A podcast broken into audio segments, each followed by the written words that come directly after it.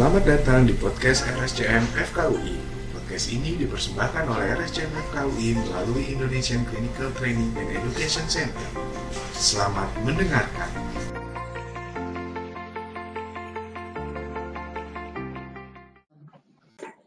Assalamualaikum warahmatullahi wabarakatuh. Selamat siang teman-teman sekalian. Salam sejahtera bagi kita semua. Alhamdulillah pada siang kali ini kita memiliki kesempatan untuk ketemu kembali pada sesi webinar awal ini yang mengambil tema apa dan bagaimana penyakit hematopoietis atau AA. Penyakit ini sebetulnya adalah penyakit yang cukup banyak kita jumpai, salah satu penyakit autoimun dan pengidapnya juga cukup banyak, namun kadang-kadang ada yang mengalami telat diagnosis atau bingung tentang gejalanya sehingga pada kesempatan kali, pada kesempatan kali ini di sebelah saya telah ada dua wanita hebat ya. Satu Mbak Kiki, yang kedua Dr. Ana. Mbak Kiki ini adalah uh, salah satu penyandang penyakit hematopoietis sejak tiga tahun yang lalu dan kita undang ke sini untuk membagikan pengalamannya tentang penyakitnya, tentang bagaimana awal didiagnosis, bagaimana awal gejala, dan bagaimana menghadapi penyakit dan hidup dengan baik walaupun menyandang penyakit ini. Selanjutnya nanti ada Dr. Ana Ayana, spesialis penyakit dalam, konsultan hematologi. Beliau akan menjelaskan uh, tentang penyakit ini dan juga nanti kita akan ada diskusi dan tanya jawab. Mudah-mudahan nanti insya Allah Dr. Ana akan menyampaikan banyak sekali ilmu untuk kita sehingga bisa kita aplikasikan di kehidupan kita, khususnya untuk teman-teman mungkin yang menonton yang juga mengidap penyakit yang sama atau memiliki gejala yang sama mungkin nanti bisa lebih memahami tentang penyakit ini. Baiklah, uh, untuk penghemat waktu, mungkin waktu ke tempat kepada Mbak Kiki, saya persilahkan. Uh, selamat siang, nama saya Rizky Okriani, umur saya 34 tahun. Saat ini saya ya? masih mbak-mbak ya. Masih mbak. Belum ibu, mbak.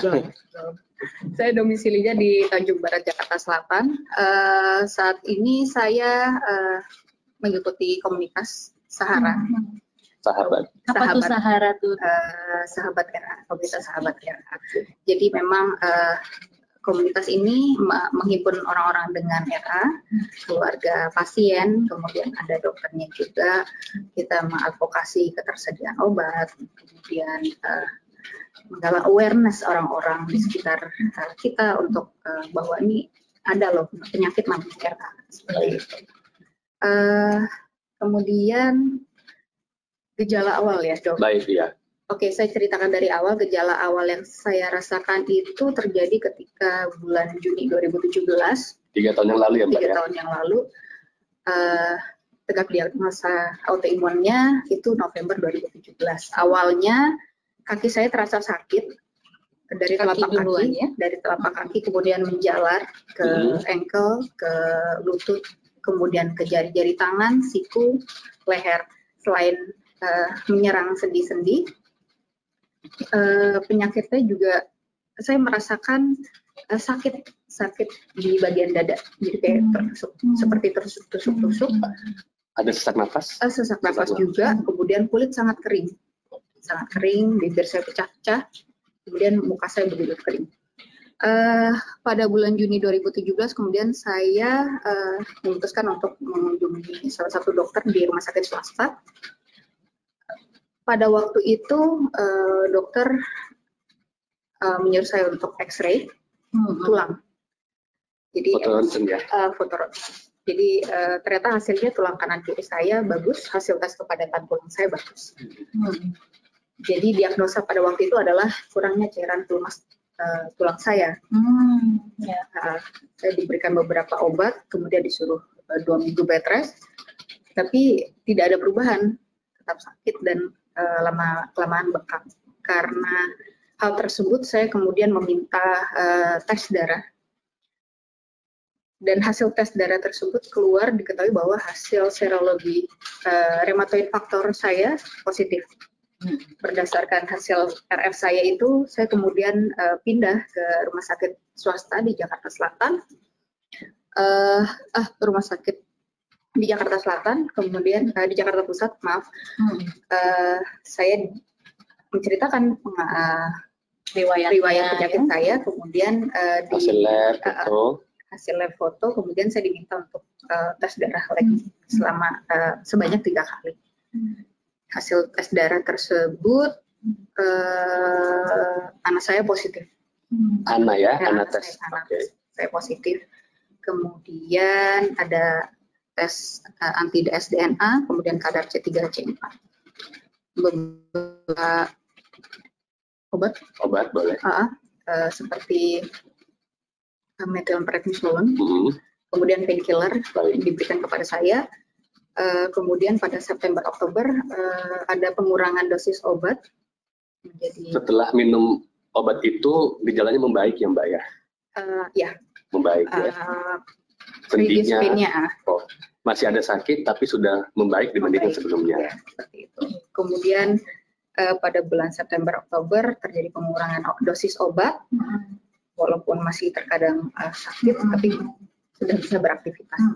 Kemudian eh, karena siku saya tidak bisa diluruskan, pada bulan November saya disuntik dengan Flamicort Hmm, di ya, sempat diinjeksi Ah, juga ya. Injeksi dengan Flamicort di situ. Eh, pada bulan itu juga saya di stop eh, methylprednisolone, hanya diberikan painkiller dan um, mecobalamin. Nah, kebalamin. Hmm, jadi obatnya terakhir masih dengan painkiller Painkiller sama dan mecobalamin itu vitamin vitamin ya, B12. vitamin B12. Oke.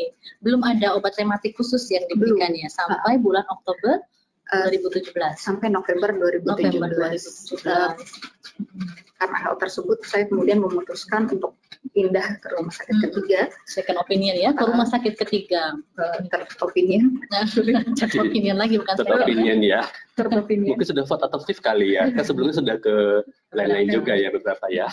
saya memutuskan ke rumah sakit tersebut, uh, Hmm. kemudian saya ceritakan uh, gejala saya, kemudian dengan hasil-hasil tes saya, Ya. uh, kemudian saya diminta untuk tes darah kembali, hasil tes tersebut menunjukkan bahwa uh, CCP IgG saya itu 491,8 Hmm. dari dari nilai rujukannya 5. Jadi anti CCP-nya tinggi banget ya. Iya. Anti CCP tinggi, fotometer positif, anak tes positif. Iya. Kemudian uh, vitamin B uh, 25H saya itu 22,1 dari nilai rujukannya 30. Turun sedikit ya. Turun Iya. sedikit. Nah, berdasarkan gejala klinis saya dan hasil uh, tes darah yang sudah dilakukan sebelumnya, uh, dokter tersebut menegakkan Diagnosis. uh, saya adalah penderita rheumatoid arthritis. Mhm. Jadi itu bulan 11 ya Mbak ya. Ah, bulan iya. 11 setelah bulan 5 eh, bulan Juni tadi ya mengalami gejala, kemudian melakukan banyak apa namanya eh, lab, foto, kemudian bulan 11 tegak diagnosis ya. Iya, betul. Eh, adapun obat-obatan obatan yang diberikan ketika saya setelah eh, tegak diagnosis saya itu adalah eh, MTX MTX 2,5 mg itu seminggu eh, sekali 4 tablet Mhm. kemudian lem ada eh, Metil methylprednisolone 2 mg setiap Senin Rabu Jumat kemudian ada folic acid Mhm. eh, dan beberapa obat untuk lambung Mhm. seperti itu.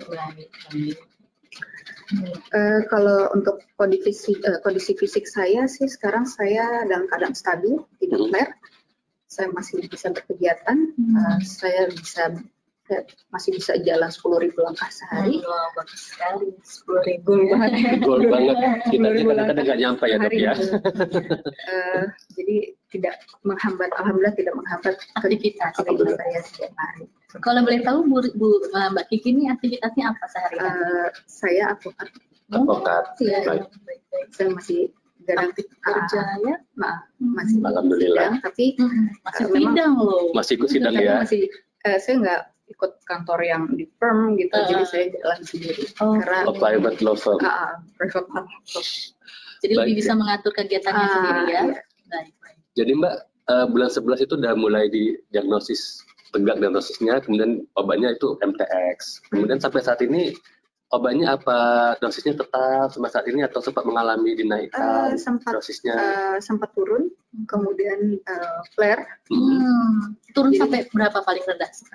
Tiga sih, Tiga. Oh, tiga tablet tablet kecil ya. tiga. Tapi waktu itu berbarengan sama uh, methylprednisolone, Hmm. jadi kayak turun MTX, turun metil gitu. Ah. Jadi kayak Oh, iya. drop banget gitu. Jadi Ah, akhirnya ya udah eh, methylprednisolone yang diturunkan, Hmm. MTX-nya tetap. tetap Paling tinggi dosisnya Mbak MTX 4 ya. Oh, alhamdulillah nggak begitu ini ya kan baik. Uh, saat ini sudah bagus Mbak ya kondisinya ya. Hmm, ya.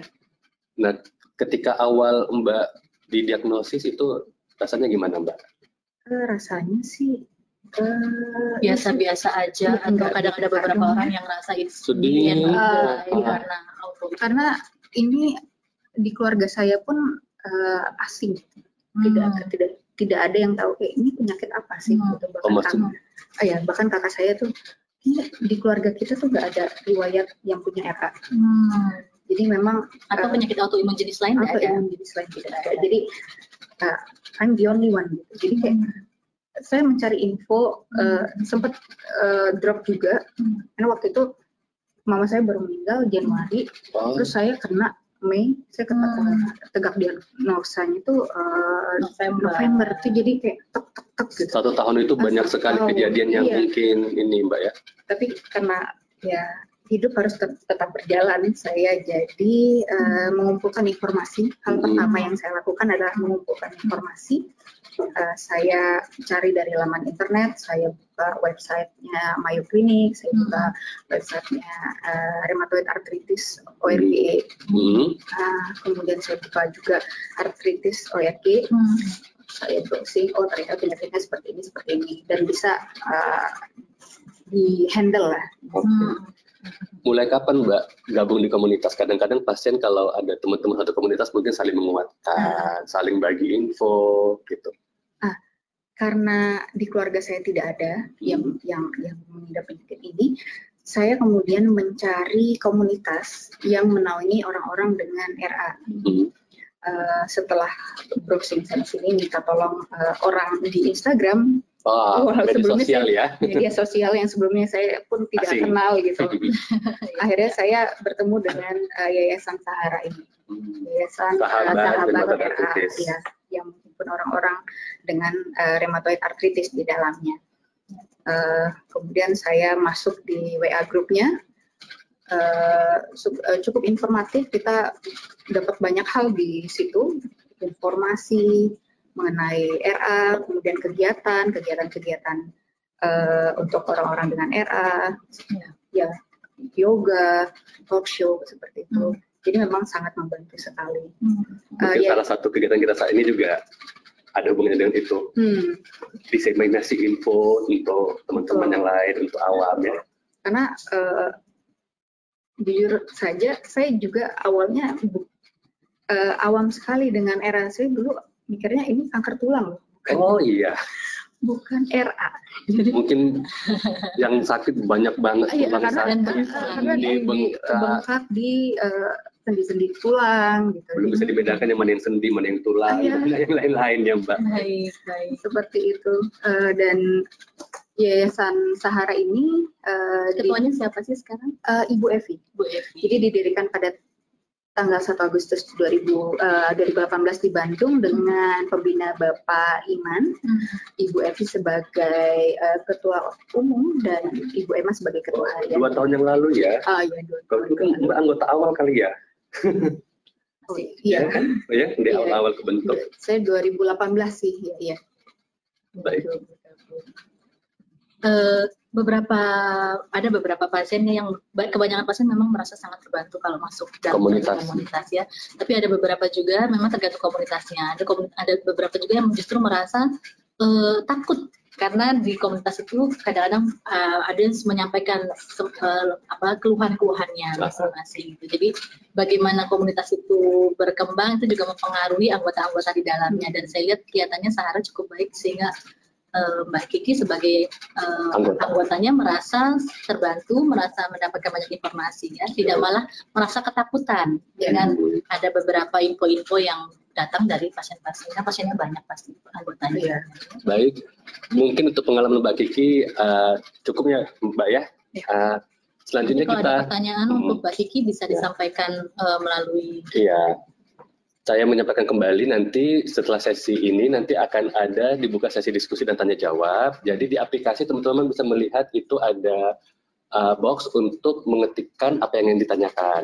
Jadi mungkin sudah boleh jika ada yang mau ditanya boleh diketikkan nanti kita akan baca satu-satu dan akan kita diskusikan. Selanjutnya kita ke sesi kedua yang mungkin akan tentang sedikit tentang penjelasan tentang kondisi penyakit rheumatoid ini oleh Dr. Ana spesialis penyakit dalam konsultan dermatologi. Beliau saat ini adalah staf pada divisi dermatologi Departemen Ilmu Penyakit Dalam FKUI RSCM dan uh, punya banyak pengalaman ya dan juga punya banyak pasien yang autoimun salah satunya pasien atau rheumatoid ini dan mungkin beliau akan menyampaikan uh, banyak sekali pengetahuan kepada kita dan juga teman-teman boleh nanti jika ada yang ingin ditanyakan kepada beliau boleh nanti diketikkan di aplikasi. Mungkin dok saya waktu dan tempat silahkan dok. Terima kasih dokter Faisal sebetulnya pengalaman saya nggak terlalu banyak jauh berbeda dengan Dr. Faisal. Ya, Dr. Faisal juga teman saya sama-sama di divisi reumatologi uh, eh, FKUI RSCM. Terima kasih Bu Kiki sudah menyempatkan hadir jauh-jauh di di tengah-tengah jadwal sidangnya pasti sangat sibuk. saya senang sekali bisa ketemu dan tadi kita sudah dapat banyak sekali cerita mengenai Bu Kiki. Saya nanti akan coba menyambungkan secara teori dan secara pengalaman apa sih uh, hubungannya, apa yang ibu rasakan, bagaimana penjelasan dari segi kedokterannya. Semuanya tujuannya adalah untuk meningkatkan pemahaman kita. Yang utama sih sebetulnya awareness dulu, kesadaran tentang penyakit RA atau rheumatoid arthritis. Ini bahasa Inggrisnya, bahasa Indonesia adalah arthritis rheumatoid. Dan yang kedua adalah memperdalam pemahaman supaya kita semua yang ikut dalam uh, webinar ini bisa menjadi agen-agen sosialisasi. Buat siapa? Buat keluarga, buat tetangga, buat lingkungan kita yang memiliki gejala seperti ini supaya tidak telat diagnosis.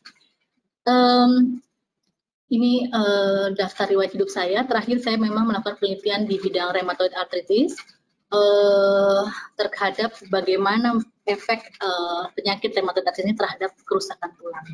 Ya, ke slide berikutnya.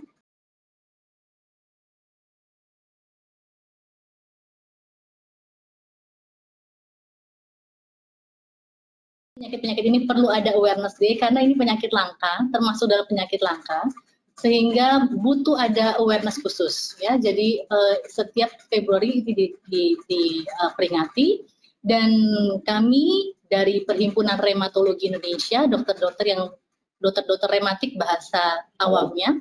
Kita punya Perhimpunan Reumatologi Indonesia sudah sudah sejak tahun 2014 membuat panduan diagnosis dan pengelolaan artritis rheumatoid. Memang ini tujuannya adalah sasarannya adalah dokter. Dokter umum, dokter penyakit dalam atau dokter penyakit dalam subspesialis yang ber uh, yang uh, memiliki kompetensi atau wewenang dalam penata laksanaan artritis rheumatoid. Uh, sejak ibu-ibu, bapak-bapak peserta webinar ini bisa mengakses di www.reumatologi.or.id. Di sini ada kolom untuk bertanya atau di Instagram kita rematik underscore autoimun. Jika ada eh, hal-hal uh, yang diperlukan untuk dalam dalam hal informasi mengenai penyakit-penyakit rematik atau rheumatoid arthritis itu sendiri.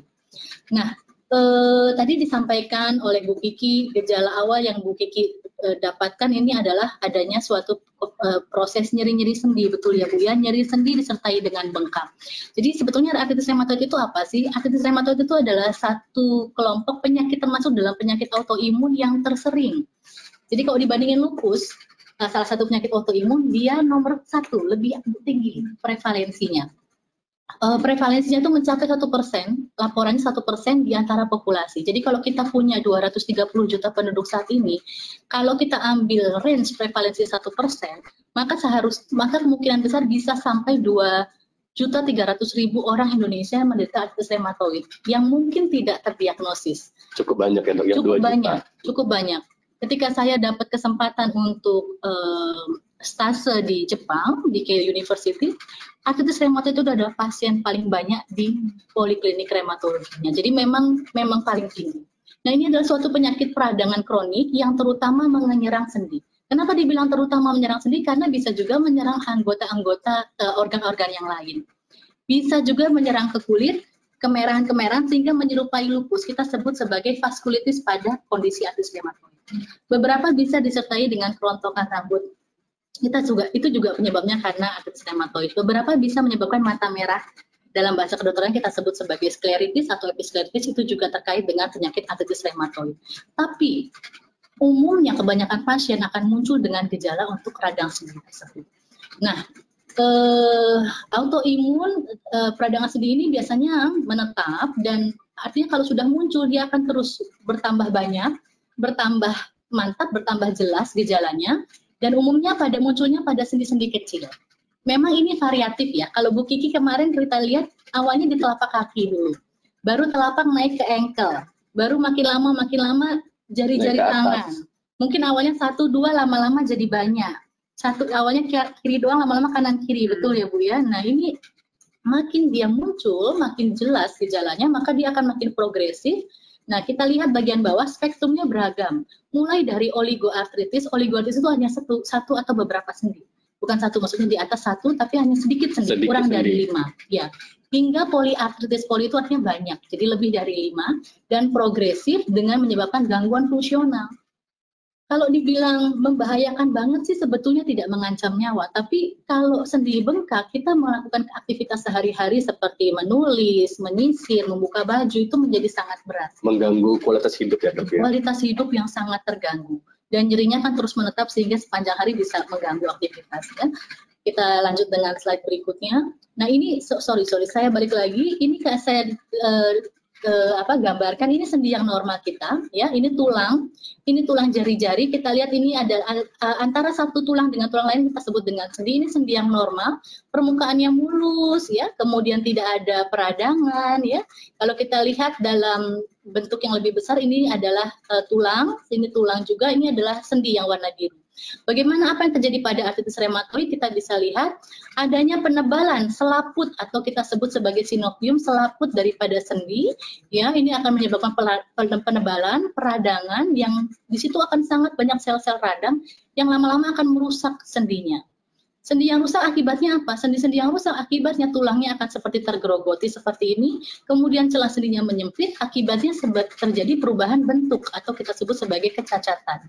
Ini pada kondisi yang sudah lanjut yang tidak mendapatkan terapi yang adekuat. Saya lihat Bu Kiki ini dari gejalanya sebetulnya cukup cukup beruntung, artinya cukup cepat terdiagnosis. Saya saya bilang cukup cepat karena pengalaman saya di klinis itu banyak yang dari dua tahun, tiga tahun yang lalu, kadang-kadang sudah backup baru datang dan kita bisa baru terdiagnosis arthritis. Bu Kiki cukup beruntung dari bulan Juni, November itu saya hitung dari lima bulan sudah tegak diagnosisnya sudah dan langsung dapat obat anti rematik. Saya lihat dua tahun sendinya masih bagus ya Bu ya tidak ada yang berubah, semua gerakan persendian masih sangat bagus dan bisa bisa jalan 10.000 langkah setiap hari. Ini contoh yang sukses. Baik, kita harapkan semua seperti itu. Nah ini prevalensinya di Perancis hanya 0,3 persen, sementara di Amerika 1,1 persen. Di mana di poliklinik hematologi pada tahun 2000 kasus barunya mencapai 4,1 persen dari seluruh kasus baru. Ini jadi kalau ada pasien baru sekitar 4 persen eh, kasus barunya adalah pasien artritis reumatoid. Tapi data ini makin berkembang. Saya nggak cantumkan di sini terakhir dari tahun 2018 sampai 2020 kemarin 40% dari jumlah pasien di poliklinik reumatologi adalah penyandang artritis reumatoid.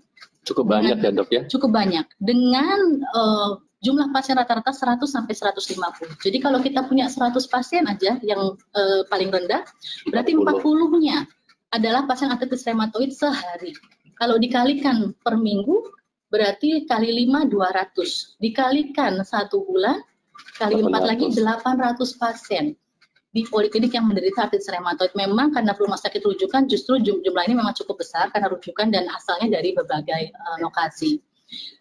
Nah itu yang perlu kita apa namanya galakkan. Nah eh, tadi disampaikan bahwa pada awal-awal uh, uh, awal diagnosis Bu Mbak Kiki ini diagnosis sebagai autoimun.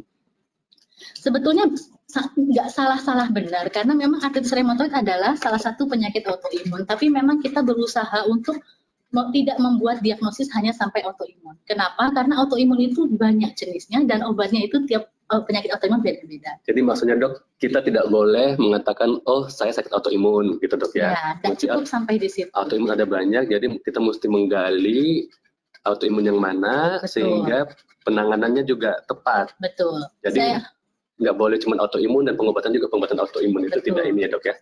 Kita ambil contoh misalnya kita ambil uh, kata besarnya adalah uh, tumbuhan. Di situ ada ada kelapa, ada cabai, ada apa. Nah ini seperti itu autoimun. Autoimun adalah satu kelompok penyakit. Di dalamnya ada lupus, ada rheumatoid arthritis, ada Sjogren yang tentu pengobatannya tidak sama persis. Nah, untuk ibu-ibu, bapak-bapak yang peserta webinar yang belum tahu apa itu penyakit autoimun, auto itu artinya diri sendiri, imun itu artinya kekebalan tubuh, saya buat ini menjadi simple. Jadi ini adalah suatu kelompok penyakit, bukan kelompok penyakit infeksi, jadi tidak menular, tidak usah khawatir. Ini adalah suatu penyakit di mana kondisi kekebalan pertahanan ke kekebalan tubuh kita e, membentuk suatu antibodi yang tidak normal atau antibodi yang tidak uh, berfungsi secara normal atau antibodi abnormal yang akan menyerang sel-sel tubuh kita sendiri. Tentu penyakit autoimun ini bergantung pada sel-sel yang diserang. Ada yang sel kenanya ke mata, jadi penyakit autoimun mata. Ada yang kenanya ke sendi, contohnya rheumatoid arthritis. Ada yang kenanya ke beberapa organ, mata kena, sendi kena, kulit kena, contohnya lupus. Ada yang kenanya ke kelenjar ludah, sehingga mulutnya rasanya kering. Ini yang kita sebut sebagai Sjogren syndrome. Jadi antibodi itu pada satu pasien dengan pasien yang lain bisa berbeda dan target organnya juga bisa berbeda-beda. Itu yang menyulitkan untuk mendiagnosis autoimun jenis yang mana dari satu pasien ke pasien yang lain. Kemudian eh, saya saya eh, tapi memang ini satu apa ya entry entry. Jadi awalnya dicurigai autoimun betul, kemudian dilanjutkan lagi pemeriksaan laboratorium dan pemeriksaan yang lebih lengkap sehingga kemudian terdiagnosis sebagai rheumatoid arthritis uh, bagus sekali ini contoh yang ideal untuk kasus uh, Mbak Kiki ya. Ini laporan di Bandung uh, Bendungan Jawa Tengah itu RA-nya 0,3 persen, di Malang itu 0,5 sampai 0,6 persen. Dengan perempuan dan laki-laki itu resiko 3 banding 1. Jadi lebih banyak mengenai wanita ya dok hmm, dibanding laki-laki. Agak kurang bagus dalam hal ini untuk wanita. autoimun lebih senang wanita beberapa penyakit autoimun tidak semua. Lupus 9 banding 1 banyak perempuan. Sembilannya tuh perempuan satu lah biasanya laki-laki. Kalau uh, RA 3 banding 1 dan usianya yang di, di, diserang antara 35 sampai 50 tahun. Jadi kalau Mbak Kiki ini kira-kira umur 32 iya, iya 32 ya. 32 hampir 32 uh, eh, terdiagnosisnya. Kalau di Jepang karena makin banyak yang usia tua, jadi banyak juga yang umur 60 baru terdiagnosis gitu. Jadi uh, lebih tua-tua ya. Mbak Kiki juga banyak pengalamannya di Jepang nih. Nah, apa sih penyebab artritis rheumatoid? Ini pertanyaan yang sering sekali ditanya sama pasien dan saya susah sekali menjelaskannya karena memang sampai sekarang belum ada penyebab tunggal yang kita bisa salahkan. Ini yang menyebabkan artritis rheumatoid. Artritis rheumatoid ini adalah penyakit kita sebut sebagai penyakit, jadi sudah jadi penyakit. Ini harus ada dua gabungan ini, bakat genetik sama lingkungan yang mencetuskan. Kalau punya bakat doang, contohnya ibunya penyanyi, tapi dia nggak latihan nyanyi, ya nggak jadi penyanyi juga. Jadi harus punya bakat. Ada bakat untuk menjadi autoimun, ada beberapa gen, atau uh, eh, HLA yang dicurigai memang terkait dengan rheumatoid arthritis dengan paparan lingkungan. Paparan lingkungannya apa? Dari beberapa penelitian yang bisa uh, mencetuskan adalah satu rokok, rokok pasif maupun rokok aktif, kemudian infeksi virus, contohnya Epstein-Barr virus, dan yang terbaru lagi adalah periodontitis atau penyakit mulut. Penyakit mulut di sekitar gigi. Jadi periodontitis itu peradangan di sekitar gigi ya terutama yang nah di apa antara gigi dengan gusi juga. Jadi periodontitis itu juga meningkatkan risiko terjadinya uh, rheumatoid arthritis ya. Nah ini um, untuk RA apa sih target organ yang pertama yang di, uh, diserangnya? Sinoviumnya. Apa itu sinovium? Sinovium itu adalah selaput pembungkus sendinya pelapis sendi ya dok? Iya, pelapis, uh, ya lapisan sendinya ya, pembungkus sendinya itu sinovium itu adalah target utamanya dia. Tapi karena kerusakan keradangannya aktif, akhirnya ke mana-mana. Ya sendi, ya tulang di sekitar sendinya pun juga mengalami kerusakan. Tapi yang diserang adalah sinoviumnya. Oke, nah gejalanya itu macam-macam. Yang paling sering adalah tentu gejala pada sendi. Gejala pada sendinya itu biasanya adalah awalnya adalah nyeri, lama-lama bisa bengkak, lama-lama beberapa sendi yang bengkak itu bisa merah atau teraba hangat. Disertai dengan kaku pagi yang cukup dominan, yaitu lebih dari 30 menit. Betul ya Mbak Kiki ngerasain seperti itu waktu awal? Uh, saya harus uh, kalau pagi saya harus pakai air hangat gitu, hmm. kayak setengah jam lebih gitu baru bisa. Hmm, ya. Uh, kalau saya nggak bisa gerak. Kaku ya Mbak? Iya. Kaku. Jadi ini sering banget dilaporkan pada pasien-pasien ya, dan pasien itu memang cari cara sendiri. Memang betul banyak sekali yang ngerendam air hangat dulu, baru enakan, baru bisa ditangguh ya. Itu awal-awal sih. Awal-awal sebelum dapat pengobatan. Oh, baik. Itu gejala yang cukup khas. Nah, Gejala-gejalanya ada lagi gejala di luar sendi, memang ini cukup jarang. Biasanya terjadi pada kelompok yang uh, antibody yaitu uh, faktor rematoidnya dan anti CCP-nya tinggi. Bisa ada nodul rematoid yaitu benjolan di sekitar sendi yang keras. Nah, itu adalah kumpulan eh, sel-sel uh, apa namanya yang tidak Radang. normalnya ya, sel radangnya. Kemudian akibat pengobatan juga bisa menyebabkan penurunan massa otot. Nah ini beberapa pasien juga ada yang nggak banyak merah-merah di kulit. Jadi itu adalah radang pada pembuluh darah kulit terkait rheumatoid arthritisnya. Begitu RA-nya diobatin, radang merahnya juga hilang, sendinya juga perbaikan. Beberapa tapi nggak pada kondisi yang berat bisa menyebabkan adanya radang di paru juga, sehingga pasiennya mengeluhkan sesak napas. Tadi saya sempat lihat ada gejala juga seperti sesak napas di awal ya Mbak Kiki ya. Sesak napas pada pasien RA ini bisa karena keterlibatan paru, tapi juga bisa karena di antara tulang iga kita, jadi paru kita di atas di atasnya ada tulang iga, itu ada sendi-sendi juga.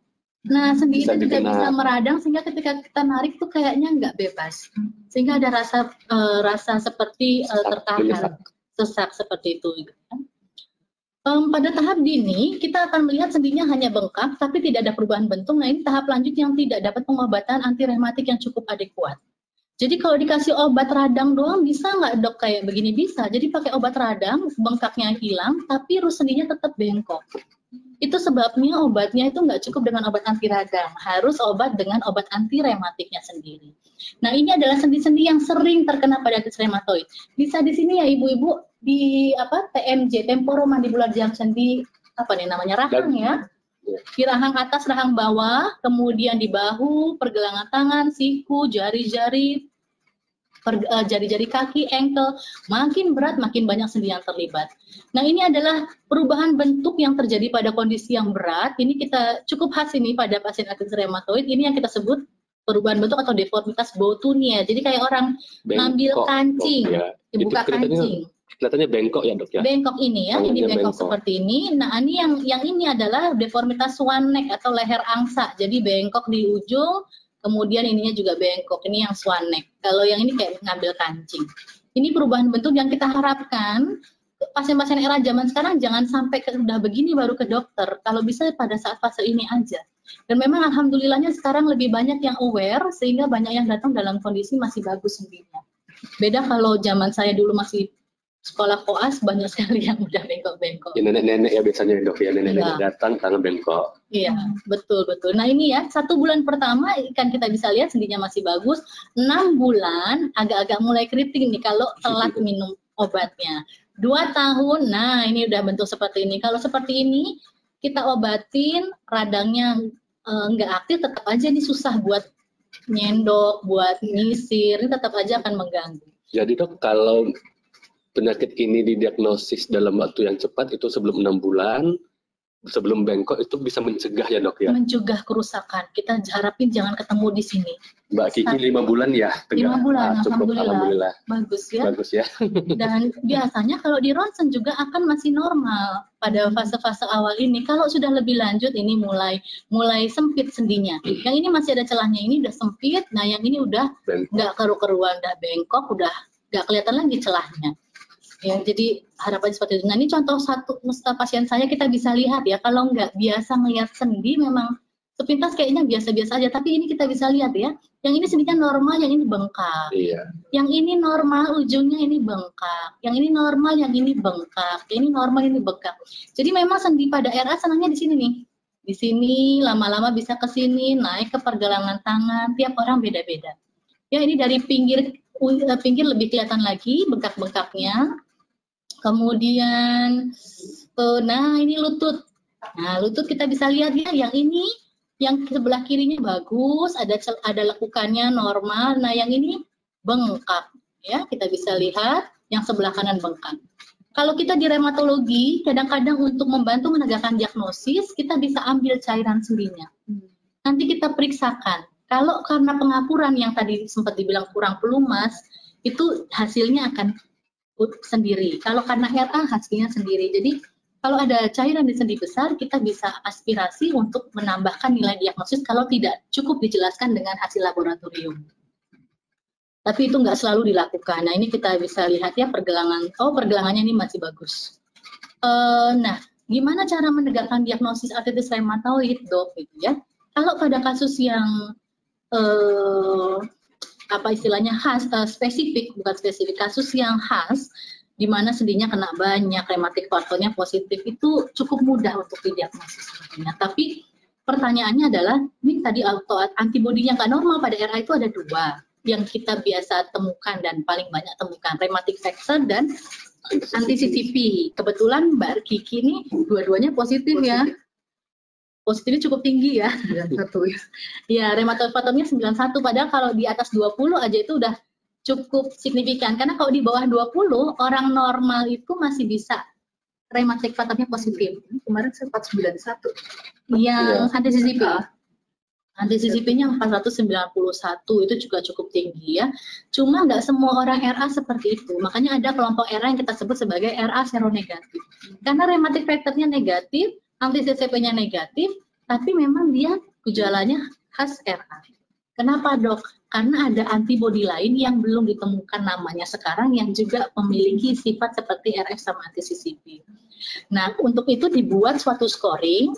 Ini saya ambil yang udah dibahas Indonesia kan dari buku Perhimpunan eh, Rekomendasi Rheumatologi. Perhimpunan Rheumatologi Indonesia tadi kita membuat uh, scoring berdasarkan empat poin ini. Kalau skornya di atas 6, ini sudah bisa kita diagnosis sebagai RA. Yang pertama, yang kelompok A kita lihat jumlah sendinya.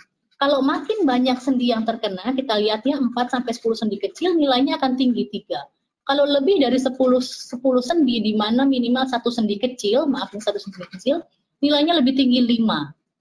Jadi kalau kenanya cuma satu sendi dan sendinya besar, itu kita jangan langsung buru-buru bilang RA. Kalau kenanya sedikit kecil dan banyak, lebih dari 10, nilainya akan lebih tinggi dan lebih khas untuk arah RA.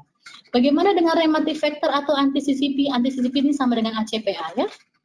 Kalau positif rendah di bawah dua kali nilai uh, normal, uh, nilainya adalah dua, makin tinggi nilainya tiga.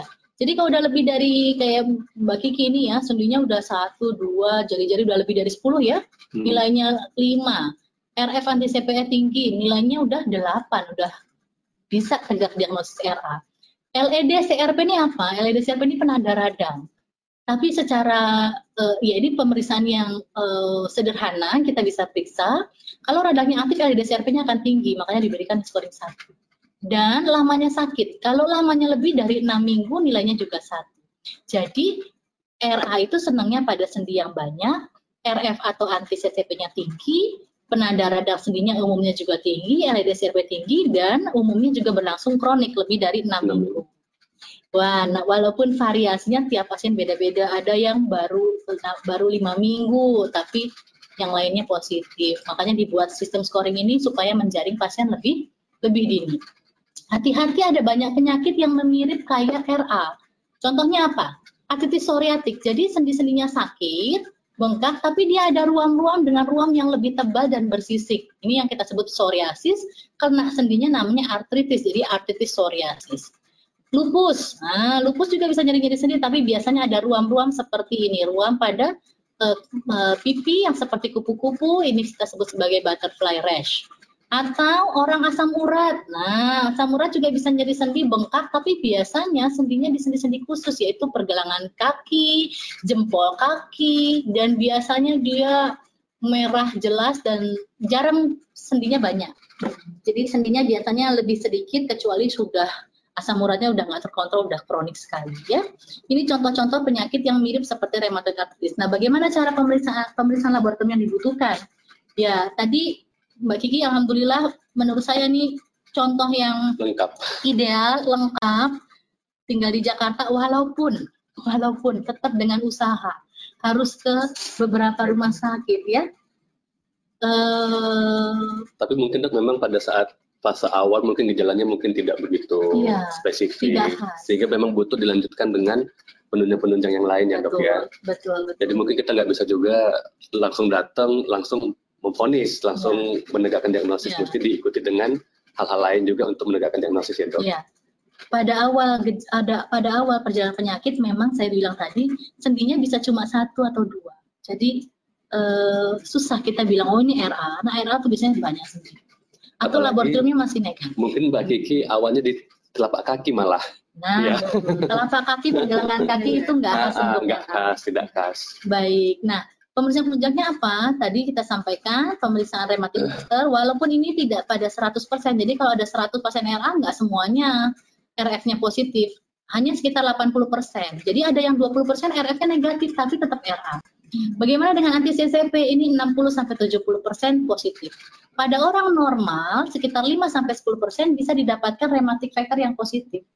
Jadi kalau ibu-ibu, bapak-bapak nggak ada keluhan, terus periksa laboratorium RF-nya positif, nggak boleh langsung dibilang diagnosis RA. Harus ada gejalanya dulu, karena kita nggak mengobati laboratorium, kita mengobati klinis pasien. ya. Kemudian gambaran ronsen, nah ini ronsen akan muncul lebih jelas jika ada stadium lanjut dari pemeriksaan LDCRP dan pada kondisi awal bisa ada anemia. Karena produksi produksi uh, sel darah merah juga akan terganggu pada kondisi radang sendi yang ada Mbak Kiki? Uh, ada. Sorry Pak. Iya, jadi Mbak Kiki langsung, oh anemia ya, jadi sempat ada anemia juga. Nanti biasanya anemia akan perbaikan seiring dengan perbaikan RH-nya. Nah ini kalau kita ambil cairan di sendi, tadi saya lihat, uh, tadi saya sampaikan kalau RA ini kelompoknya yang ini nih Bu, yang tengah-tengah. Jadi kalau pengapuran, karena kurang pelumas saja dia akan jernih. Kalau RA, karena kondisinya adalah radang di sendi, maka dia akan lebih keruh. Kalau infeksi, nah ini yang seperti nanah.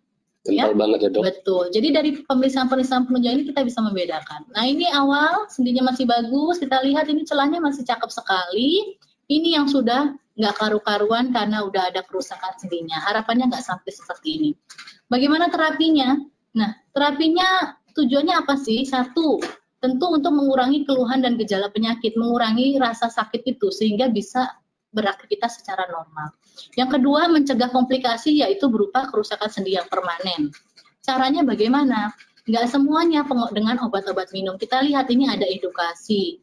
Jadi ibu-ibu, bapak-bapak yang sudah terdiagnosis dengan rheumatoid arthritis harus memperkaya pengetahuan diri sendirinya tentang penyakit itu sendiri. Nah ini sudah dilakukan sama Mbak Kiki nih alhamdulillah udah baca langsung. Tapi memang nggak semua pasien memiliki latar belakang pendidikan yang cukup tinggi bisa mengakses internet sendiri ya. E, untuk itulah e, apa namanya peran dari satu komunitas. Sahara ini bisa saling sharing dari yang baca ke ngasih tahu yang belum baca. Jadi itu penting sekali. Dan mendiskusikan setiap penyakit. Misalnya diberikan obat A nggak cocok jangan langsung stop pindah dokter uh, sampaikan dulu ini nggak cocok sehingga dokter akan memberikan solusi apakah dokter obatnya diganti atau dilakukan terapi yang lain ya.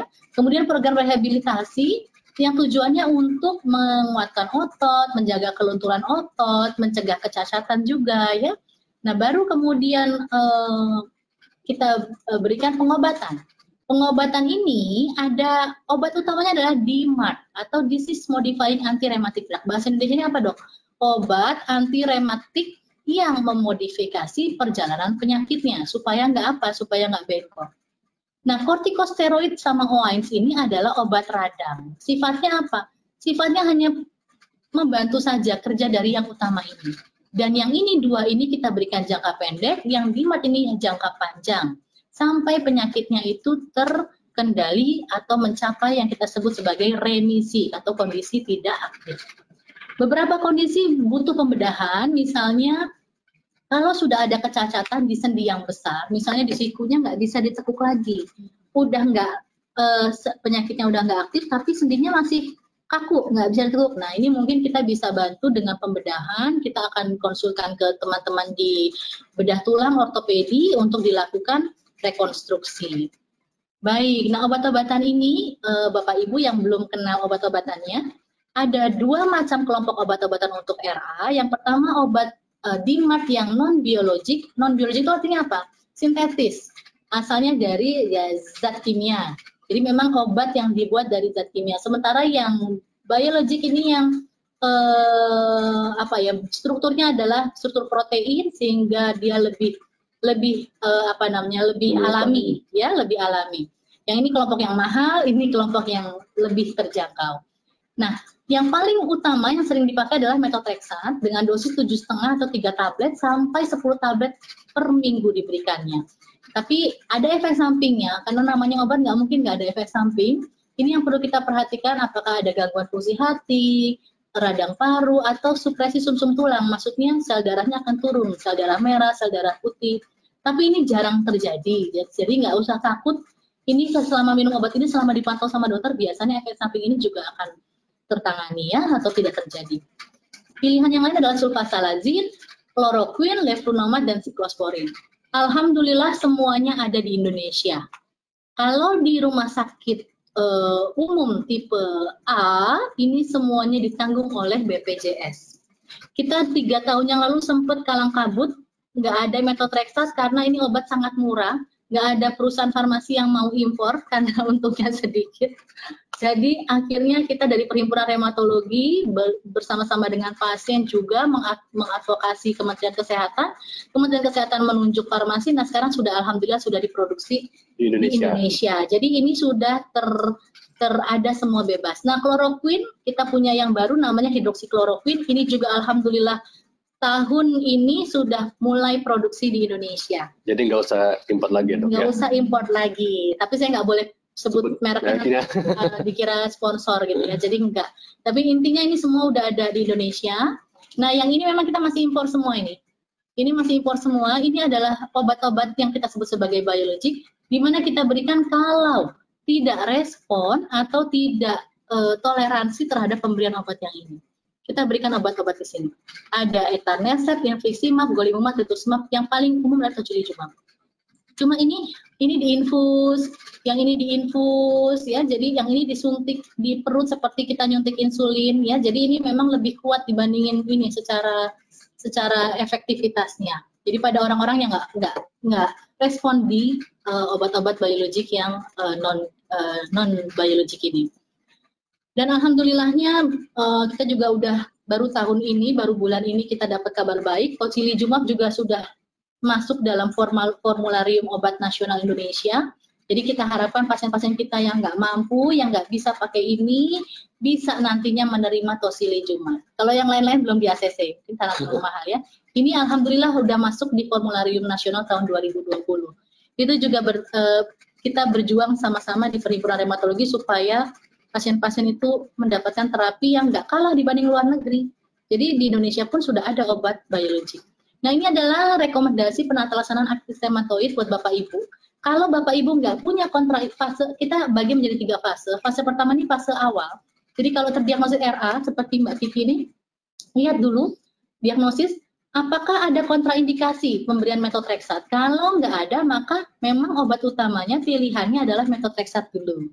Kalau ada kontraindikasi misalnya muntah-muntah, pakai metotreksat, rambutnya rontok hebat, nggak bisa toleransi, pakai yang lain. Sulfasalazin atau leflunomide ya. Nah kemudian gimana dok? Targetnya kapan nih dok kita bisa evaluasi? Jangan lama-lama, 6 bulan harus tercapai target pengobatan. Apa target pengobatannya nanti saya sampaikan di belakang ya. Kalau nggak ter, kalau tercapai ya tinggal dilanjutkan. Kalau nggak seperti Mbak Kiki ini dalam enam bulan tercapai ya sekarang tinggal dilanjutkan metotrexatnya. Tapi kalau nggak tercapai, masuk ke fase kedua. Apa fase kedua dong? Fase kedua ini kita lihat apakah dia ada rheumatic factor atau anti CPP yang tinggi. Kalau ada, nah ini masuk kombinasi dengan obat-obat biologik yang tadi saya bilang agak mahal. Atau bisa juga dikombinasi, misalnya metotrexat ditambah dengan obat kedua, sulfasalazin atau hidroksikloroquine. Jadi jangan heran kok ada satu pasien RA obatnya cuma metotrexat doang ada yang metotresat campur hidroksikloroquine, ada yang metotresat campur sulfasalazin, tiapnya orang berbeda-beda tergantung derajat penyakitnya. Terus gimana kalau udah dapat obat ini dok? Lihat lagi, 6 bulan tercapai nggak e, targetnya? Kalau nggak tercapai, kalau tercapai gimana dok? Lanjutkan. Nggak tercapai, masuk ke yang tahap ketiga. Yang tahap ketiga ini butuh pengobatan oleh dokter subspesialis reumatologi karena ini harus memberikan obat-obat biologik yang tadi atau mengganti obat biologik yang tadi. Nah, yang saya ingin sampaikan Bapak Ibu adalah kebanyakan pasien ada um, dengan nyeri-nyeri sendi dapat obat uh, radang, misalnya prednison, metilprednisolon yang masuk dalam kelompok kortikosteroid itu sudah enakan dan berhenti mencari pengobatan lain karena sudah merasa enakan. Saya harapkan tidak seperti itu karena obat seperti metilprednisolon atau prednison yang tergabung dalam kelompok kortikosteroid punya banyak efek sampingnya yaitu tekanan darah tinggi, bengkak, gula darah meningkat, osteoporosis, katarak sampai adanya penyumbatan pembuluh darah dan Eh, hal-hal yang lain yang mengganggu keseimbangan hormonalnya. Nah, ini yang kita lihat pada Mbak Kiki ini awalnya dapat obat radang ya, tapi Mbak Kiki ini pintar baca-baca, oh, kayaknya nggak cukup dengan obat radang nih ya.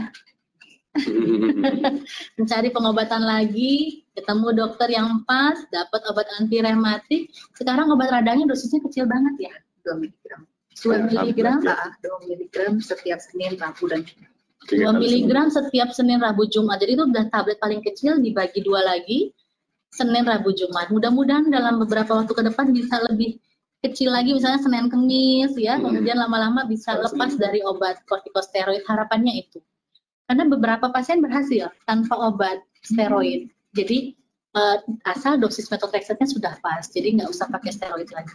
Nah jangan lupa ibu-ibu juga jangan minum uh, apa piroksikam, meloksikam, terus-terusan ya karena ini ada efek sampingnya perdarahan di lambung, risiko penyakit jantung, gagal ginjal dan lain-lainnya.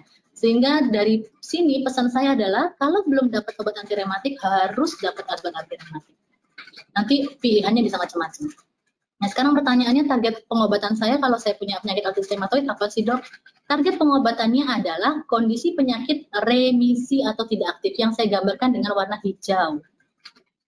Yang kalau awal-awal biasanya aktivitasnya tinggi, jadi sendinya banyak yang bengkak, ya. Kalau udah dapat obat akan turun sendinya makin dikit, aktivitas sedang. Dikit lagi aktivitas rendah. Kalau udah nggak ada sendi yang sakit, sel darahnya eh, LEDCRP udah normal, ini yang kita sebut sebagai kondisi remisi atau tidak aktif. Tapi nggak nggak nggak semua orang bisa nyampe di situ.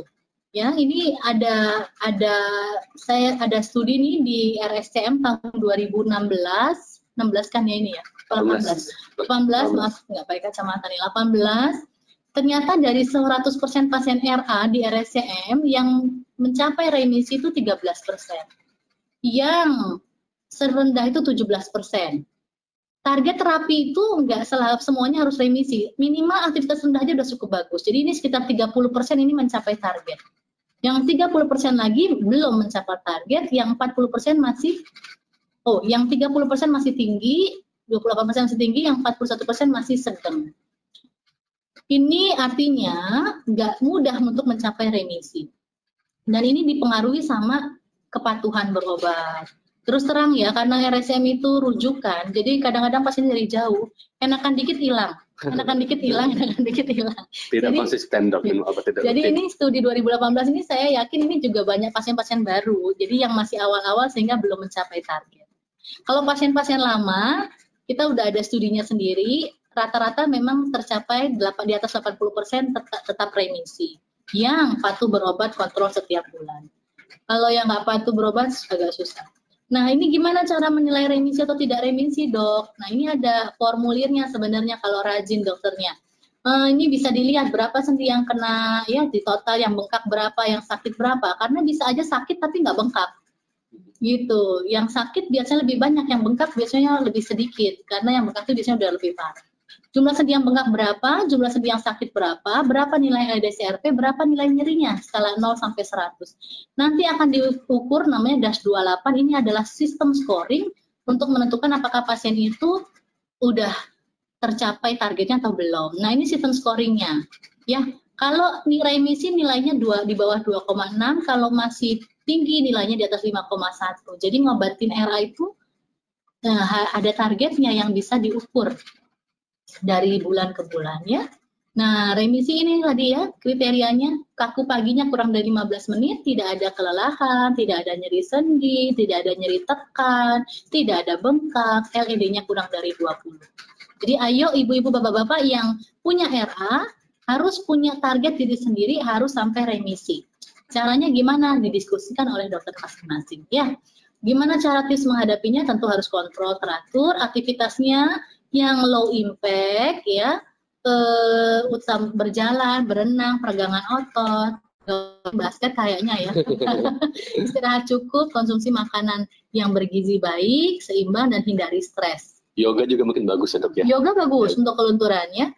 Ini sebagai tambahan, eh, kita di Perhimpunan Reumatologi nggak capek-capeknya untuk membuat edukasi ini untuk teman-teman masyarakat awam, tapi juga untuk dokter-dokter. Ini ada beberapa rekomendasi yang kita buat supaya se-Indonesia ini penanganannya itu standar, standar sesuai standar ya. Yaitu untuk rekomendasi pengelolaan gout, gout itu asam urat, kemudian eh, spondyloartritis, osteoartritis itu pengapuran, kemudian penggunaan obat radang juga ada aturannya, peradangan spondyloartritis seronegatif ini adalah autoimun yang jenis lain, kemudian RA ya yang saya sebutkan hari ini dan lupus yang terbaru tahun 2018 kemarin. Terima kasih dari saya, saya rasa cukup, mungkin bisa uh, lanjutkan untuk tanya jawab. Mudah-mudahan bermanfaat. Alhamdulillah. Terima kasih Mbak Vicky, terima kasih Dr. Ana. Nah, saya buka sesi tanya jawab. Ini sudah ada beberapa yang nanya. Saya bacakan dulu satu ya. Oleh Bapak Gede Dama di Buleleng, Bali. Oh, jauh, ya jauh ya. ya. Jadi di Bali mungkin beda kondisinya dengan di ibu kota di Buleleng mungkin apalagi mungkin di FKTP di puskesmas atau di klinik yang tidak memiliki penunjang-penunjang yang lengkap. Hmm. Nah, uh, dengan pasien jika pasien datang dengan uh, sendinya banyak yang bengkak, banyak yang sakit, kaku kaki juga dijumpai, uh, mengkonsumsi NSAID tidak membaik, kemudian diduga dugaan kuat adalah penyakit atau rheumatoid. Namun pasiennya tidak bisa dilakukan penunjang, kemudian tidak bisa dikonsulkan ke spesialis, mungkin efek jauh mungkin ya dok ya. Hmm. Nah, mungkin yang ditanyakan apakah dengan pasien yang ini apakah bisa langsung dicoba pengobatan MTX tadi dok? Hmm. Atau obat-obatan yang lain misalnya HCQ? Hmm, baik, baik, baik. Ya, baik. Ini kalau kita bicara ini memang ini masalah keterbatasan fasilitas ya saya tidak tahu dari Buleleng tuh sejauh apa sih kalau untuk ke uh, Denpasar. Ini ya? katanya 100 kilo dok. 100 kilo. Iya cukup jauh mungkin mungkin di hmm. kabupaten di desa atau ya. kecamatan kecil. Ya karena kita udah punya pusatnya di uh, Udayana Bali ya itu situ uh, samalah setara VRSCM untuk dalam pemeriksaannya. Tapi kalau memang tidak bisa karena bengkak sendi ya bengkak sendi ini harus um, disingkirkan hal-hal yang lain karena bengkak sendi itu kita sebut sebagai artritis. Penyebabnya itu bisa autoimun, bisa non autoimun. Saya kasih contoh ya, misalnya ada beberapa penyakit keganasan atau tumor di mana ketika pasien itu punya tumor itu gejalanya ada radang sendinya juga, ngikut gitu. Uh, sejawat harus pastikan nggak ada yang lain-lain, nggak ada tumor, nggak ada infeksi, jadi murni betul-betul uh, ini autoimun. Gimana caranya kalau kita nggak bisa negakin autoimun karena fasilitasnya nggak memungkinkan kita melakukan pemeriksaan, minimal singkirkan yang ini. Tentu kalau tumor kita bisa singkirkan dengan pemeriksaan fisik, ya tidak ada benjolan, tidak ada kelainan darah, kemudian dengan infeksi kita bisa lihat tidak ada demam. Ya dokter dokter bisa lakukan masukkan ke dalam sistem scoring yang tadi saya sampaikan sistem scoring dari ACR American College of Rheumatology. Sistem scoring ini minimal sejawat harus mendapatkan satu sendi yang bengkak baru masukkan ke dalam sistem scoring ini dan menyingkirkan hal-hal yang lain. Tidak ada keganasan, tidak ada infeksi, tidak ada lupus ya. Masukkan dalam sistem scoring ini. Di atas 6 sejawat bisa mulai pengobatan. Jadi Kalau masih di bawah 6 jangan. Jangan ya. Jadi memang kita untuk MTX itu kan dikatakan satu dimat ya, disease modifying anti rheumatic Jadi memang diagnosis mesti tegak dulu sebelum kita tambahkan dimat tadi dok ya. Iya. Jadi mungkin jawabannya adalah ya coba tegakkan apakah masuk klasifikasi atau tidak sebelum uh, pasien memulai, dimulai dengan pengobatan MTX. Mengingat mungkin tadi juga punya efek sampingnya dok ya, apalagi Betul. jika diagnosisnya tidak tepat, tetapi ditambahkan atau konsumsi MTX mungkin malah jadi lebih jelek kondisinya. Baik dok, uh, yang kedua ini ditanya uh, yang ditanyakan adalah apakah pengobatan artritis ini dok long life dok? Atau sampai ya. kapan? Iya iya. Nah kemudian apakah tadi dikatakan remisi? Apakah jika sudah mencapai kondisi remisi, apakah mesti tetap minum obat atau bagaimana dok? Baik. saya jawab pertanyaan yang pertama ya untuk long life. Ini saya bicara uh, berdasarkan data, berdasarkan keilmuan saya sebagai dokter ya, keilmuan manusia ya, bahwa karena ini penyakit adalah muncul akibat sel tubuh kita memproduksi sendiri secara spontan antibodi yang nggak normal dan kita tidak bisa membunuh atau mematikan sel tubuh kita itu sendiri, sehingga yang kita bisa lakukan adalah menekan obat-obatan yang kita berikan sekarang adalah menekan produksi antibodi yang normal itu. Belum ada yang bisa menghilangkan betul-betul, artinya me menghilangkan total menyembuhkan itu sampai sekarang belum. Jadi obat-obatan ini jangka panjang. Bisa long life nggak dok? Bisa. Jadi saya selalu bilang sama pasien, ya ibu ini kayak orang sakit darah tinggi, supaya membuat pasien semangat ya, nggak depresi. Kalau saya bilang, ibu ini obatnya seumur hidup ya, sampai meninggal harus minum ini ya, depresi pasiennya. Saya nggak pernah ngomong gitu. Saya bilang, ini kayak obat darah tinggi ibu. Ibu minum, kalau nggak minum tensinya tinggi. Sama kayak uh, Mbak Kiki ya, sampai sekarang dua tahun uh, masih minum dengan dosis yang paling kecil. Ketika diturunkan ke tiga tablet seminggu, sakit lagi ya Mbak Kiki. Karena uh, berbarengan waktu itu berbarengan ya. Nanti mudah-mudahan bisa turun lagi. Pengalaman dok, ada nggak pasien yang sama sekali lepas obat? Ada. Ada. Tapi di, bisa dihitung pakai lima jari. itu pun laki-laki. Jadi saya nggak boleh ngasih harapan palsu ya. Jadi pada perempuan agak lebih sulit dikontrol. Kenapa nggak tahu?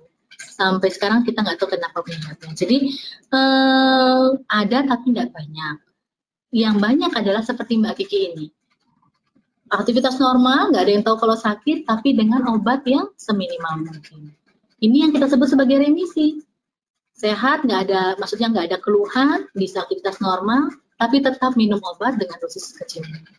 Baik dok, ada satu lagi oleh Bapak Muhammad Khalid. Hai Mbak Kiki, kata beliau. kenal. Uh, nah, dari beliau saya tahu ada oh, kenal. Ya. Oh kenal, baik baik. Nah, Pak Muhammad Khalid ini mengatakan bahwasannya beliau saat ini didiagnosis dengan empat jenis penyakit autoimun, artritis rheumatoid, GBS, CIDP, dan polimiositis. Nah, awalnya ketika beliau mengetahui penyakit ah, kena penyakit autoimun, beliau sempat bingung kan dikatakan bahwasannya paling banyak pada wanita dibandingkan oh, laki-laki. Oh, ya, nah, ya, ya. yang beliau tanyakan mengapa bisa laki-laki kena? Apakah ada beda genetik atau kromosom dibandingkan dengan wanita? Hmm, ya, ya, ya.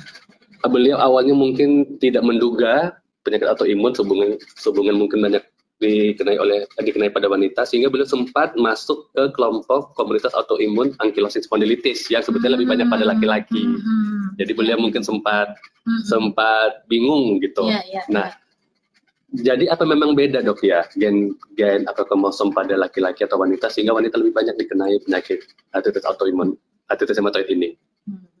Ya, ini pertanyaan susah ya.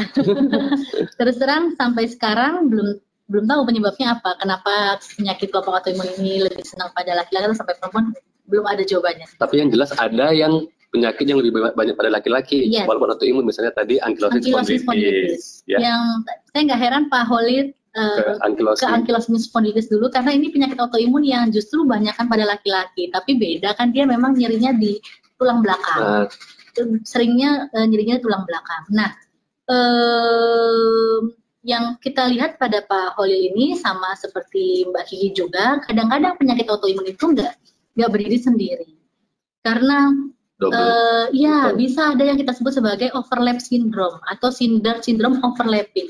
Ada beberapa penyakit autoimun yang terjadi bersamaan pada satu individu. Misal punya rheumatoid arthritis tapi juga punya lupus. Jadi di badannya itu ada antibodi terhadap RA, antibodi pada lupus ada dua-duanya. Kalau Mbak Gigi ini ada RA sama Sjogrennya. Makanya tadi ada mulut kering, mata kering ya. Pak Holil ini ada rheumatoid arthritis sama polimiositis. Polimiositis adalah penyakit autoimun. Gejalanya adalah yang diserang adalah antibodinya menyerang ke otot. Jadi ototnya itu jadi lemes. Bangun dari duduk itu susah, ngangkat tangan buat nyisir itu berat karena ototnya mengalami peradangan.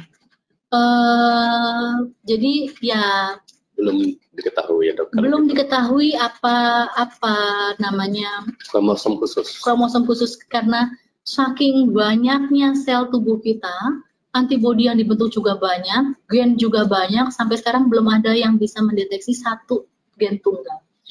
Ya Baik. memang ada beberapa misalnya HLA, namanya HLA-DR4 pada RA, HLA-B7 pada ankylosing spondylitis. Tapi kalau pada polymyositis belum ya. Jadi ya mohon maaf pas uh, kita nggak bisa, saya nggak bisa menjelaskan kenapa banyak pada laki-laki, kenapa banyak pada perempuan, karena sampai sekarang pun nggak ada yang bisa menjelaskan. Cuma yang perlu kita lihat ke depannya, kalau sudah terdiagnosis, oke okay, saya punya empat penyakit autoimun, nah sekarang tinggal dilihat mana autoimun yang paling dominan yang paling dominan, yang paling me, apa istilahnya berbahaya, itulah yang menjadi fokus pengobatan. Gitu Baik. ya. Baik, Dok. Kita lanjut ini oleh Ibu Amelia, mungkin beliau pasien juga. Beliau menanyakan pada pasien yang sedang mengkonsumsi, mengkonsumsi MTX, apakah dibutuhkan untuk dicek fungsi hati dengan berkala walaupun tidak ada keluhan. Mungkin Mbak Kiki bagaimana pengalamannya? Kan selama dua tahun, bagaimana cek labnya apakah tiap bulan, tiap tiga bulan, tiap enam bulan atau bagaimana Mbak? Uh, terakhir saya baru cek lab itu bulan November atau Desember tahun lalu. Uh -huh. uh, saya meminta uh -huh. untuk melakukan uh, cek fungsi hati, uh, kemudian ginjal, uh -huh. karena saya udah minum obat sudah beberapa tahun. Uh -huh. uh, Alhamdulillah sih hasilnya bagus, bagus. Dan uh, fungsinya masih tetap normal. Baik. Iya. Dokter Ana, bagaimana dok penjelasannya? Ya ini tadi Mbak Kiki ya. Jadi walaupun minum obat, nggak semuanya obat itu bisa bikin gangguan ginjal atau gangguan liver ya. Yang penting pemantauannya. Nah, apakah harus diperiksa sebelum menerima terapi methotrexate harus diperiksa fungsi ginjal, fungsi hati, dan sel darahnya. Buat apa? Buat baseline. Oh, data data oh, dasarnya kita sebelum berobat segini fungsi-fungsinya. Kemudian setelah dapat obat, uh, pada fase awal pengobatan juga harus diperiksa. Biasanya satu bulan setelah pengobatan dicek dulu fungsi hati, fungsi ginjal, sama sel darahnya ada nggak yang mengalami gangguan. Kalau sudah bagus, uh, selama dosis metotrexat itu masih ditingkatkan, artinya masih ada penambahan dosis obat metotrexat, maka pemeriksaan fungsi ginjal, fungsi hati dan uh, darah itu harus terus dilakukan. Kecuali kalau sudah stand, sudah menetap, stabil. Oh ini dari seperti Mbak Kiki udah setahun pakai dosis 4 tablet. Ya udah, nggak usah tiap bulan diperiksa, bisa tiap tiga bulan, tiap ya, bulan, tiap enam bulan kalau memang udah makin bagus, tiga bulan tiga bulan tiap tiga bulan diperiksa normal, bisa diperjarang lagi tiap enam bulan. Intinya kalau ada perubahan dosis atau pada fase awal pengobatan itu harus dipantau. Kalau udah stabil, bisa lebih jarangkan lagi. Baik. Uh, ini ada satu lagi oleh Ibu Febe Glossa. Beliau menanyakan, uh, pada pasien-pasien artritis rheumatoid yang minum metil dalam jangka panjang uh, dan kena uh, dikatakan sudah kena penyakit Cushing, sindrom Cushing. Nah, bagaimana selanjutnya dok untuk penggunaan metilnya? Untuk ya. Mbak Kiki, penggunaan metil awalnya dosisnya gimana Mbak uh, di awal? Saya sempat 888 24 mili. Uh, 24 mili. 24 mili dan Satu hari. saat ini 2 mili tiga kali seminggu. Jadi cukup ini ya. Jauh ya. Jika pemakaian metilnya dosis tinggi dan jangka panjang itu sampai menimbulkan efek sampai gimana dok? Iya. Nah sebetulnya itu yang pengen kita kita hindari ya Bu. Kalau bisa jangan sampai Cushing syndrome atau Cushing. Cushing itu apa sih? Cushing itu kondisi di mana kelebihan dosis steroidnya. Tandanya apa? Pipinya uh, besar, bengkak, kita sebut moon face seperti bulan. Gembul. ya, terus kemudian di sini di punduknya itu juga ada endapan lemak, penuh, kulitnya makin tipis, kadang-kadang ada jerawat di kulitnya ya. Kemudian uh, kalau sudah berat lagi, kalau kita cek hormon, namanya hormon kortisol akan tertekan karena kebanyakan obat dari luar. Nah, ini tentu harus di atasi Bu, nggak boleh bertahan dengan kondisi seperti ini. Obat steroidnya harus diturunkan. Gimana dok kalau obat steroid saya diturunkan tapi saya masih sakit-sakit? Itu artinya obat anti rematiknya belum cukup dosisnya. Jadi, supaya ibu tidak ketergantungan dengan obat steroid atau obat radang, ibu harus mendapatkan obat anti rematik dengan dosis yang pas. Makanya kalau dalam pengobatan RA, obat rematik itu dimulai dari dosis kecil naik naik naik naik sampai ibu bebas nyeri. Kalau obat radang turun turun turun turun sampai bisa lepas. Gitu. Jadi nanti mungkin ibu bisa komunikasi ke dokternya ya terkait uh, dosis antirematiknya misalnya metotreksatnya mungkin harus dinaikkan, obat steroidnya tentu harus diturunkan ya. Ada beberapa pasien saya yang di awal memang sampai Cushing, tapi kemudian setelah diturunkan jadi cantik lagi. Jadi ibu nggak usah khawatir, insya Allah masih bisa Baik. balik lagi. Baik, mungkin satu lagi dok oleh Ibu Jun, apakah ada makanan khusus yang bisa dimakan untuk mencegah jangan kena penyakit ini dok? Diet khusus mungkin.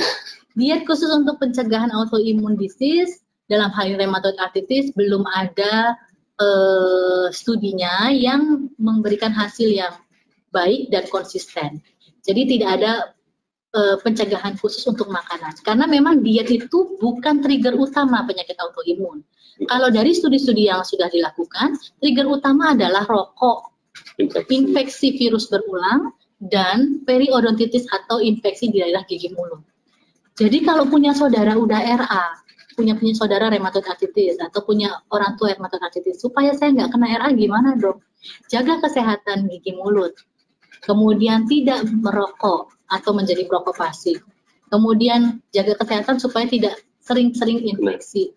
Ya, karena ketika kita infeksi kena virus, ada antibodi yang muncul. Nah, kalau bakatnya udah nggak normal, bisa ke suatu hari bisa muncul antibodi yang nggak normal. Ya. Itu yang kita hindari. Jadi mungkin kalau untuk diet mungkin tidak ada yang spesifik, tapi ya kita panduan diet umum, diet ya. makanan yang sehat ya dok ya. ya. Betul. Mbak Kiki gimana dietnya selama ini? Uh, ada yang dihindari khusus nggak? Ada yang khusus nggak? Yang mungkin pengalaman Mbak jika minum ini mungkin sendinya jadi sakit, sakit, jika makan ini jadi demam atau gimana? Betul sih kayak saya semenjak minum MTX ini tuh ada kayak beberapa makanan yang uh, saya tidak bisa makan. Hmm, uh, kenapa nggak bisa makan? Mual atau diare? Diare. Oh diare. Gitu. Hmm. Selebihnya sih saya normal sih. Normal ya. Itu paling makan yang sehat, kurangi junk food, hmm. itu. Hmm. Kemudian uh, paling seafood saya hindarin seafood hmm. yang memicu alergi. Hmm. Oh. Ya ya ya. Ya itu dia karena uh, diet itu bergantung pada orang, apakah dari riwayat alergi, risiko alergi, ya, kemudian tapi pada dasarnya penelitian-penelitian yang sudah dilakukan nggak ada diet khusus pada ya.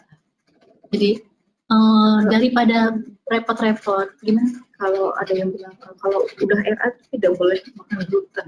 Oh, gluten. non dairy gitu sebenarnya ngaruh nggak sih? Ya itu ada studinya kecil-kecil di luar negeri uh, apa namanya uh, kalau gluten ada studinya uh, pada jumlah populasi dikit sih nggak banyak nggak sampai ribuan pasien RA. Memang ketika dia dibebaskan dari gluten itu disease activity-nya atau aktivitas penyakitnya menjadi lebih terkontrol. Tapi on behalf atau di atas dengan pengobatan standar. Uh, tapi itu juga studi kecil. Jadi akhirnya uh, rekomendasi internasional belum merekomendasikan bahwa kita harus menghindari betul-betul gluten. Karena efek odiet terhadap uh, eh, RA itu tidak tinggi, nggak cukup besar dan cukup bisa dikontrol dengan obat-obatan. Jadi kalau pengen-pengen banget roti ya monggo silakan gitu. Kecuali habis makan roti langsung bengkak-bengkak, oh ya udah itu uh, dibalikan lagi ke individunya. Ya, Kami sih belum merekomendasikan bu, uh, uh, karena kita benchmarknya ke American College Rheumatology dan European League Against Rheumatism, organisasi rheumatologi di Amerika dan Eropa. Sampai sekarang belum ada diet khusus yang diwajibkan pada penyandang uh, rheumatoid arthritis. Kembalikan lagi ke individu masing-masing. Mungkin pada studi tadi mungkin pasiennya tidak makan gluten sehingga mungkin dietnya as a whole untuk menjadi lebih sehat mungkin ya. lebih banyak makan buah-buahan mungkin ya, sehingga mungkin efek umum. Jadi bukan spesifik untuk gluten. Uh, mungkin uh, masih ada sedikit lagi yang ingin ditanyakan, tapi waktu juga lah yang memisahkan, yang membatasi kita. Ya, ini waktunya sudah habis. Uh, saya sampaikan apresiasi setinggi-tingginya kepada Mbak Kiki. Mbak Kiki ya. sangat hebat sekali, sudah mau membagikan pengalamannya kepada kita semua, dan mudah-mudahan teman-teman yang menonton bisa mendapatkan manfaat dengan pengalaman-pengalaman Mbak Kiki. Mungkin Mbak. ada websitenya Mbak atau uh, Instagram, Instagram Facebook. Saat ini belum ada website tapi Instagramnya Sosial media ada. boleh dibacakan uh, ad-nya, handle-nya, Instagram handle supaya teman-teman silakan dicatat. Jadi nanti jika ingin tahu lebih lanjut, ada, WA grupnya ada, sampai dua WA grupnya ya, sampai tutup yang pertama. Saking banyaknya. Uh, kalau Silakan, untuk Mbak. di Instagram itu sahabat underscore rheumatoid underscore uh, arthritis. Oke, Sahabat rematot arthritis underscore underscore. mungkin Ya. jika di search mungkin bisa langsung ketemu. Sahara Indonesia. Oke, baik. Baik, Ya. baik. Makasih juga saya ucapkan kepada Dr. Ana telah menambah pengetahuan kita cukup banyak ya. Kita sudah tahu bagaimana gejala awal, yang paling penting bagaimana um, melakukan diagnosis dan klasifikasi penyakit, di mana kita ketahui bahwasanya untuk mendapatkan pengobatan spesifik di MAT atau MTX, bahkan agent biologik itu tidak boleh asal-asalan ya dok ya. Mesti tegak dulu diagnosanya dan yang paling penting adalah tidak boleh kita hanya mengatakan saya penyakit autoimun. Mengapa penyakit autoimun itu ada banyak sekali jenisnya, banyak cabang-cabangnya dan satu dari yang lain itu beda. Sehingga jika penanganannya penyakit autoimun ini mesti disesuaikan dengan apa uh, jenis spesifiknya. Sehubungan satu dengan yang lain mungkin juga obat-obatannya beda, yang dikenai juga beda. Sehingga dengan hanya mengatakan penyakit autoimun saja dan diobati dengan obat, obat autoimun mungkin penanganannya tidak maksimal ya kemudian uh, alhamdulillah teman-teman mudah-mudahan dapat manfaat nanti ini mungkin itu saja ya mbak dok ada yang ingin ditambahkan lagi dok mungkin sebelum saya tutup Hmm, ada. Pesan-pesan? Cukup. Terima kasih. Terima kasih Mbak Kiki dan eh, terus aktif di dengan grup saharanya Mhm. ya karena kita dokter nggak bisa advokasi sendirian harus ada teman-teman dari perhimpunan pasien juga yang membantu Ya, menyuarakan. hubungannya mesti Hmm. kuat ya Iya, dok ya ya mbak ya baik teman-teman sekalian dengan demikian saya tutup uh, uh, uh, pertemuan kita kali ini. Uh, selamat siang. Assalamualaikum warahmatullahi wabarakatuh. Waalaikumsalam warahmatullahi wabarakatuh.